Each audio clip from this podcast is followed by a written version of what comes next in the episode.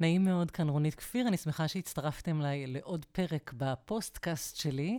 אני מקליטה פוסטים מהבלוג, והפעם אני מקליטה את אחד הפוסטים שאני הכי אוהבת מהשנה האחרונה, הרגלי כתיבה, לא שגרת כתיבה.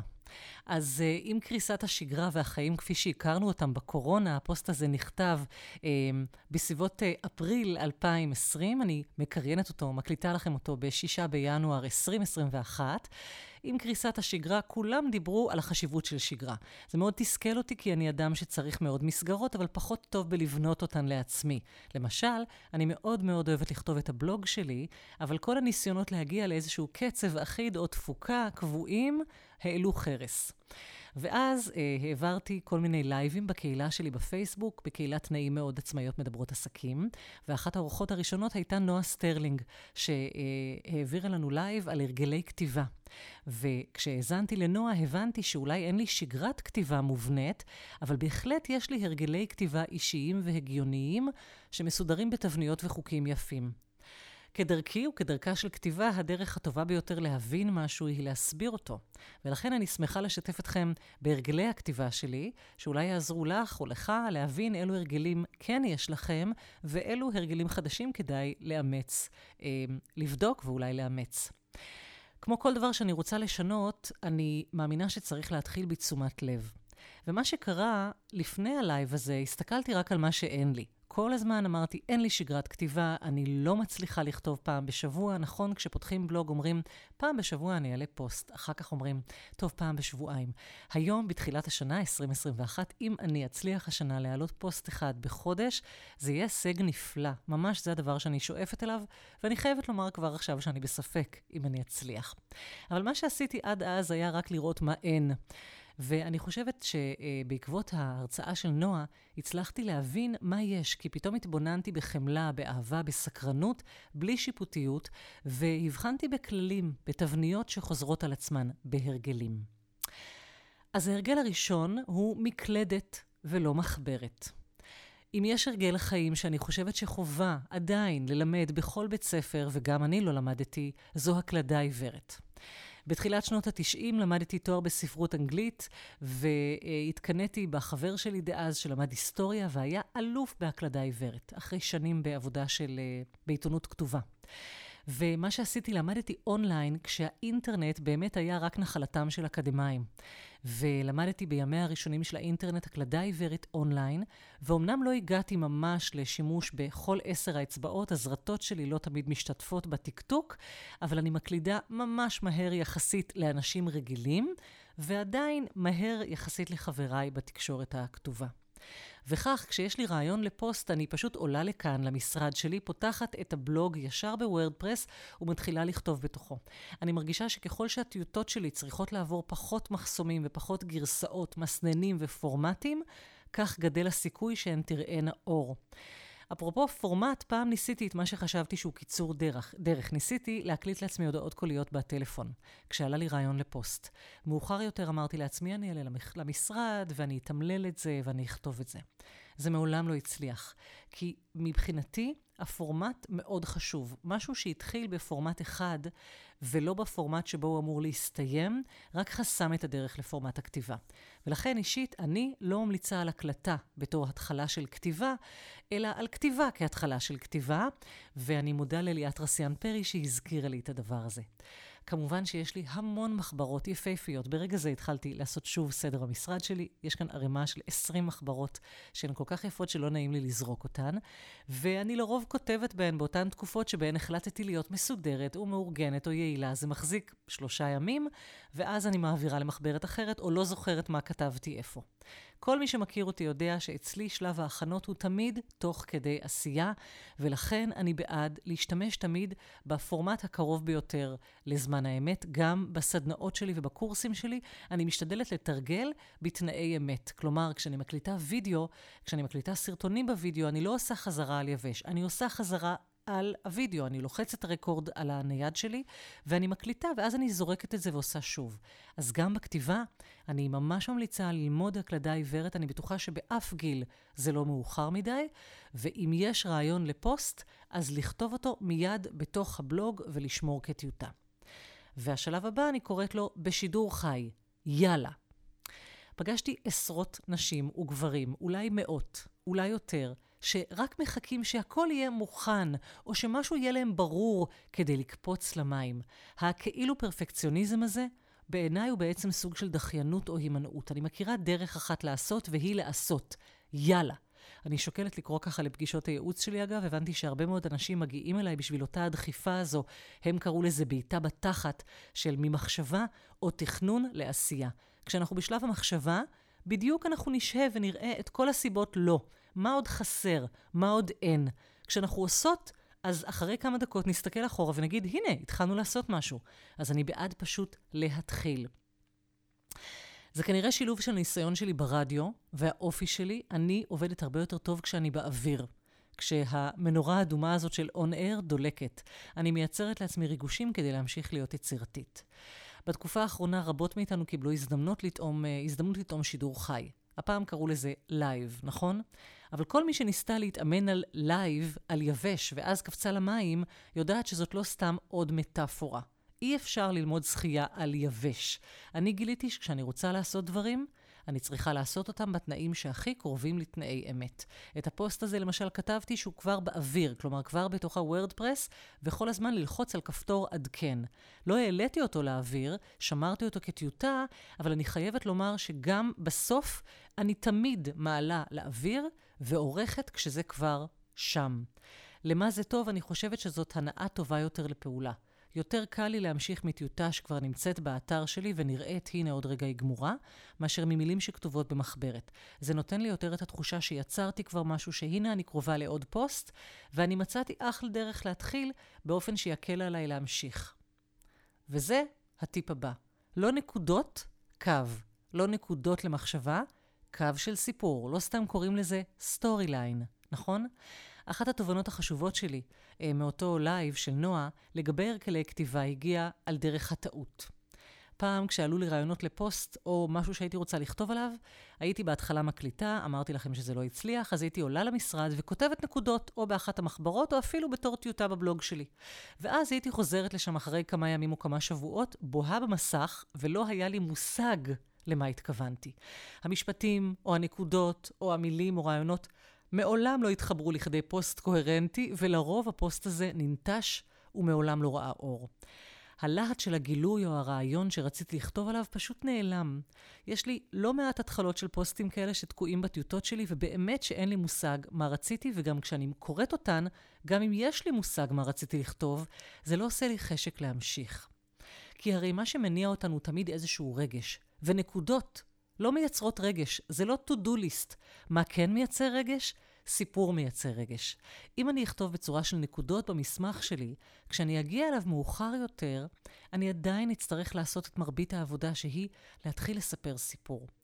אבל אם אני אתחיל לכתוב את קו המחשבה שהדליק אותי, כמו שהוא היה, יהיה לי הרבה יותר קל להמשיך ולהרחיב, וגם להכניס את עצמי מאוחר יותר ל state of mind שהייתי בו כשהרעיון עלה. כלומר, אני פותחת את המחשב שלי וכותבת פסקה שלמה. הפוסט הזה, למשל, יכולתי לכתוב אותו ככה, נקודה. הרגלי כתיבה ולא שגרת כתיבה. נקודה. להתחיל במשפטים שלמים ולא מנקודות. נקודה. סיפור משמר רגש, נקודות קוטעות אותו. אולי אלו אחלה נקודות עבור הקוראות שלי, עבורכם עכשיו, בטח כשזה כתוב, אבל הן לא עזרו לי להוליד את הפוסט הזה. את הנקודות קל יותר להוציא מפוסט אחרי שכותבים אותו, ממש כפי שעשיתי כאן. לעומת זאת, אם מה שמצאתי כשחזרתי לכאן היה פסקה ראשונה שבה אני מתארת איך הרגשתי אחרי הלייב עם נועה, אילו רעיונות עלו לי ואיך החלטתי לכתוב את עצם הפוסט הזה, אני אתחיל שוב להזכיר לעצמי את הרגש של התובנה ההיא. כמובן שהסיפור הראשוני, אגב, זה שמתחילים בו, לא תמיד רלוונטי בסוף המעניין, ולא תמיד הוא בכלל צריך להישאר בטיוטה האחרונה. והנה הטיפ הבא שלי. איפה להתחיל? מה זה משנה? למה להתחיל ועל הקושי, על ה... למה להתחיל בכלל ועל הקושי להתחיל, כתבתי פוסט שאני מאוד אוהבת שנקרא המגירה הפתוחה.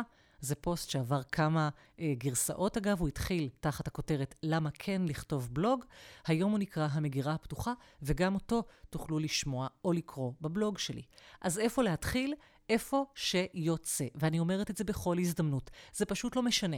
תניחו את הידיים, עדיף הידיים המיומנות שלכם על המקלדת, ופשוט תתחילו לכתוב. תתחילו מהאמצע, תתחילו מהסוף, מהשליש, מהחמישית. אם יש לכם התחלה, נהדר, תתחילו בהתחלה. אבל בדרך כלל מה שעוצר אותנו מלהתחיל זה, אוי, אני לא יודעת איך להתחיל. אני רואה את הבת שלי בעבודות שלה לבית ספר, אני רואה את עצמי בעבודות הסמינריוניות. מי מתחיל מההתחלה? הרי תמיד יש לכם איזשהו רעיון, נכון? אז תתחילו שם. אם ההתחלה תתברר כלא מתאימה, נשנה אותה אחר כך. אגב, אני עושה את זה בעיקר בפוסטים שלי לאינסטגרם, ששם אני כותבת תוכן ממש בלי לתכנן, מעכשיו לעכשיו, מניחה את הידיים על המקלדת וכותבת. כמעט תמיד אני מוצאת את ההתחלה באמצע. כלומר, אני מתחילה מאיזושהי נקודה, שרירותית לחלוטין, כותבת, כותבת, כותבת, בדרך כלל מגיעה לאיזו דוגמה, לאיזה סיפור, ואז אומרת, וואלה, הסיפור הזה זאת אחלה התחלה. אז אני לא מתייחסת בפוסט הזה לשאלה על מה לכתוב, או איך להילחם בקולות שעולים ואומרים, אין לך מה לכתוב, אין לך רעיונות, את מי זה מעניין, זה לא מספיק חכם. על זה כתבתי ב"המגירה הפתוחה". אוקיי? אבל מה שאני רוצה לספר לכם זה לא לזנוח רעיון, אלא מיד להעלות אותו על הכתב. בעיקר חשוב לזכור שאין שום צורך להתחיל בהתחלה. שלא כמו החיים, שתמיד מתחילים בהתחלה, וכן, הם ייגמרו בסוף. כתיבה אפשר להתחיל איפה שרוצים, זה היופי שלה, זה הכיף. הרי לעולם לא תחסר לי עורכת פנימית או מבקרת פנימית שתעבור על הטקסט הזה עוד חמש פעמים, עוד שמונה פעמים. מה שחסרה לי כמעט היא תמיד אותה מדרבנת שאומרת לי, קדימה, תכתבי, זה מקסים, זה נהדר. אז עד שהיא מגיעה, לא להפריע לה בבקשה עכשיו עם מחשבות מיותרות של, אבל אי אפשר להתחיל ככה, זו בכלל לא התחלה טובה. פשוט תתחילו, אחר כך תוכלו לערוך, איזה כיף זה, אני כל כך נהנית מזה. עוד טיפ, להכניס מיד תמונות. מכשול מוכר לכל מי שמנסה לכתוב את החלק הטכני, אין לי תמונות, אני לא יודעת מה ילווה את זה, או זה יכול להיות או כתיבת קידום, SEO, או כל דבר שאת לא אוהבת לעשות בבלוג שלך. הניסיון שלי הראה לי שאם את משאירה את החלק המבאס לסוף, הפוסט הזה בחיים לא יעלה גם אם הוא יהיה כתוב. הנה, סיימתי את החלק הכיפי והיצירתי של לכתוב, עכשיו רק נשאר, במרכאות, רק להוסיף כמה תמונות ולערוך. במיוחד אם זה פוסט שלא עוסק במשהו פוטוגני, כמו עיצוב פנים למשל, כן? כשכתבתי על עיצוב פנים, התחלתי מלאסוף את התמונות ולהעלות אותן, ואז רק הייתי צריכה להכניס קצת טקסט. עכשיו, למשל, כשאני כותבת על הרגלי כתיבה, איזה תמונות אני אמצא? לכן אם התחלתי לכתוב כמה פסקאות, אפילו אם הנושא עדיין לא לגמרי ברור לי ואין לזה צורה ואין לי רעיון, אני אשתדל לא לעזוב את הבלוג לפני שאני אעלה כמה תמונות שמתאימות. אולי, שוב, זה לא יהיה התמונות הכי מתאימות, אבל לפעמים שתיים יספיקו. אגב, לי יש מנוי בקנווה. גם הקנווה החינמי וגם הקנווה בתשלום. תיכנסו מצידי לאימיג' בנק הכי שבלוני, תכתבו שמה רייטינג, תכתבו שמה פנסל, תמצאו איזה תמונה של מישהי אוחזת בעיפרון ותעלו אותה. אחרת באמת לא יהיה לכם מאין לגייס את הכוחות להמשיך את החלק המשעמם הזה.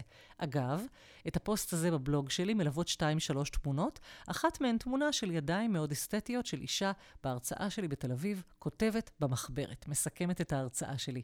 אה, תמיד כשמעיין דיסקין צילמה אותי, או כשאחרות, אמרתי להן, אני צריכה קצת תמונות שישמשו אותי יום אחד בבלוג. אז הנה יש לי מין image bank קטן משלי. הטיפ הבא, להניח בצד להתקרר ולהחליף לוקיישן. במקור זה נכתב כך: אני יושבת כבר דקות ארוכות וכותבת את הפוסט הזה, שתכננתי רק להתחיל, אבל עכשיו אפשר לשמור ולעזוב.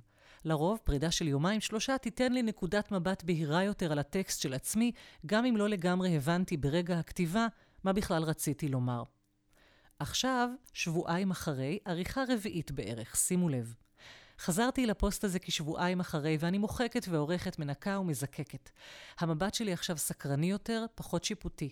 אני פחות מאוהבת ברעיון הראשוני, ואני קוראת את מה שכתבתי בצורה דומה יותר לקוראות ולקוראים שלי. אפילו פיזית, פתאום שמתי לב. פרסמתי את הפוסט, עשיתי לו publish, אני בעד לפבלש, זה מכניס אדרנלין מסוג אחר, ואני יושבת וקוראת אותו בנייד שלי, על הספה בבית, או במיטה. ממש כפי שאת היית קוראת את הפוסט שלי, או שאני הייתי קוראת פוסט של אחרות. פתאום שמתי לב שיותר קל לי להפך לקוראת של עצמי כשאני לא כאן, במקום שבו אני כותבת. הקריאה מהמקום שבו אני כותבת, וממקום שונה מזה שאני כותבת בו, מייצרת לי חוויה שונה. והעריכה הנוספת הרבה יותר ברורה. כלומר, תפבלשו את הפוסט שלכם, לכו למקום אחר בבית, תצאו לחצר, תשבו אה, במיטה או בסלון, איפה שאתן קוראות פוסטים של אחרות, ואז פתאום אתם תבינו מה צריך לשנות שם.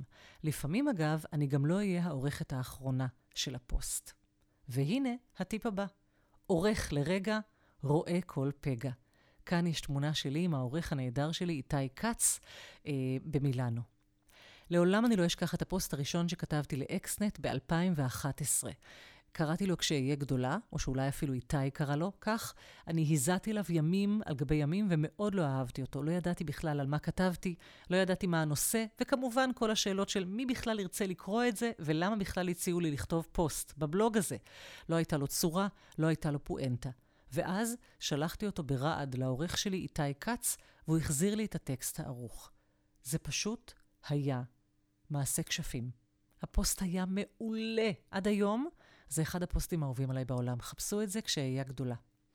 קיבלתי פתאום סיפור מאורגן, מסודר, שהתחיל בהתחלה ונגמר בסוף, שעלה ממנו מהלך ברור וקול ברור. והמדהים ביותר היה שהקול האחיד שנשמע מהפוסט הזה, נשמע ממש כמוני, לא כמו מישהו אחר, לא כמו איתי. איתי שינה את הסדר של הפסקאות, מחק חלקים שלמים, חיבר בין משפטים, ריתך, גזר, זרק, חיבר, הדביק, ווואלה, היה לי ביד טקסט שעד היום באמת הוא אחד האהובים שלי. וזה היה לגמרי בזכות העורך שלי. מאז עברו הרבה שנים, כמעט עשר שנים, למדתי המון מאיתי, ומדי כמה חודשים אני עפה עליו ואני מודה לו. אני מאחלת לכל כותבת, עורך כמוהו. אני מודה גם לכנרת רוזנבלום, חברתי היקרה, ששידכה בינינו. תודה רבה, יקירתי ויקירי. לא תמיד קל למצוא, אבל ממש שווה לכן לחפש חברה או חבר שיכולים לקרוא את מה שכתבתן ולתת לכן על זה תובנות, פידבק, מה לא מעניין, מה ארוך מדי, מה לקצר, מה להעריך, ואפילו דברים עוד יותר גדולים כמו, מה אני בעצם אומרת בכלל בקטע הזה. אה, אם אתה לא, לא מצאת, תשלמי לכותבת תוכן או לעורכת טקסט. באמת, אני ממש בעד זה. לי יש כמה חברות ששולחות לי את הפוסטים שלהן, ואני שולחת להן את שלי, שלומית לפיד למשל, אחת מהן, והתובנות שיש לנו מהשיחות זו על הטקסטים של השנייה, פשוט נהדרות. ולסיכום, עשרה טיפים פרקטיים ליצירת הרגלי כתיבה קולחת. אחת, לימדו הקלדה עיוורת, אל תישברו באמצע למרות שגם ארבע אצבעות עדיפות על שתיים. שתיים, כשעולה לך רעיון לפוסט, תעצרי את הכל, כתבי את הסיפור שהביא את הרעיון. שלוש, כתבי קווי מחשבה, לא נקודות. קל יותר להמשיך משפטים וסיפור מאשר להפוך נקודות לסיפור. ארבע, אל תחסכו במילים. המטרה עכשיו היא למלא את הדף. כל מה שיוצא, לכתוב, בלי שיפוטיות, בלי לעצור, בלי להביט לאחור. חמש, תעשו חלק מהעבודה הטכנית והמשעממת בהתחלה. תמונות, SEO, כותרות, מה שצריך. 6. הניחו לטקסט להצטנן לכמה ימים. 7. כשאתן חוזרות אליו, קראו אותו במקום שונה מהמקום שבו אתן כותבות, כמו המקום שבו אתן קוראות בלוגים של אחרות. 8. מבט מבחוץ. עורך לרגע, רואה כל פגע ומבין את המבנה, את העיקר והטפל. תמצאו עוד קוראות, אפילו קוראת אחת. תשע. שפכת הכל? יופי, עכשיו תקצרי. כל מה שאפשר למחוק, תמחקי. זה יחזק את הטקסטים, את המשפטים שלך. לא צריך כמה שיותר, בשלב הזה צריך להבין מה המהות ולזקק. עשר. עדיין חוששת לצאת נחרצת מדי? כשאת מוחקת מילים מיותרות? חפשו באינסטגרם את ההאשטג לדעתי. תכתבו האשטג לדעתי, או האשטג ביטוי נעים מאוד במילה אחת, ותמצאו את מה שכתבתי על המילה לדעתי, ועל עוד כל מיני מילים שמחבלות בכתיבה. זהו, עכשיו משפירקתי ופירטתי את הרגלי הכתיבה שלי, אני מאוד סקרנית לשמוע אם גם בשגרת הכתיבה שלי יחול שינוי. אגב, אני יכולה לומר לכם, לא חל שינוי, עדיין כמעט לא כתבתי מאז הפוסט הזה. ועוד אני יכולה לומר שאימצתי הרבה מאוד מההרגלים האלו ליצירת סרטוני הוידאו שלי. כלומר, כשכתבתי את הפוסט הזה, גם סרטוני הוידאו שלי נוצרים בתהליכים מאוד מאוד דומים של יצירה, וזו אכן שגרה, הודות למסגרת שבועית שלקחתי והתחייבתי לקחת על עצמי ביום שלישי בתשע סרט. הפסקתי עם זה, אגב, ביולי 2020. החלטתי שאני יוצאת לפגרת קיץ, ותראו מה קרה להרגל, איך שעצרתי אותו, הוא לא חזר. עכשיו, ינואר, אני חושבת לחזור להקליט סרטונים, להעלות אותם על היוטיוב שלי. מעניין אם כשאת או אתה שומעים את הפוסט הזה, זה כבר קרה.